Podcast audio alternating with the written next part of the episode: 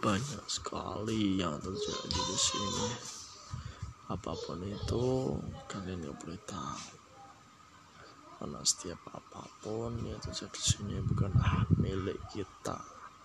Tapi kita yakin bahwa itu ada yang memilikinya. Jadi jangan pernah mengambillah milik orang lain kita sebagai manusia punya hak masing-masing, punya rezeki dan punya harta yang sudah ditentukan oleh Tuhan yang Maha Esa.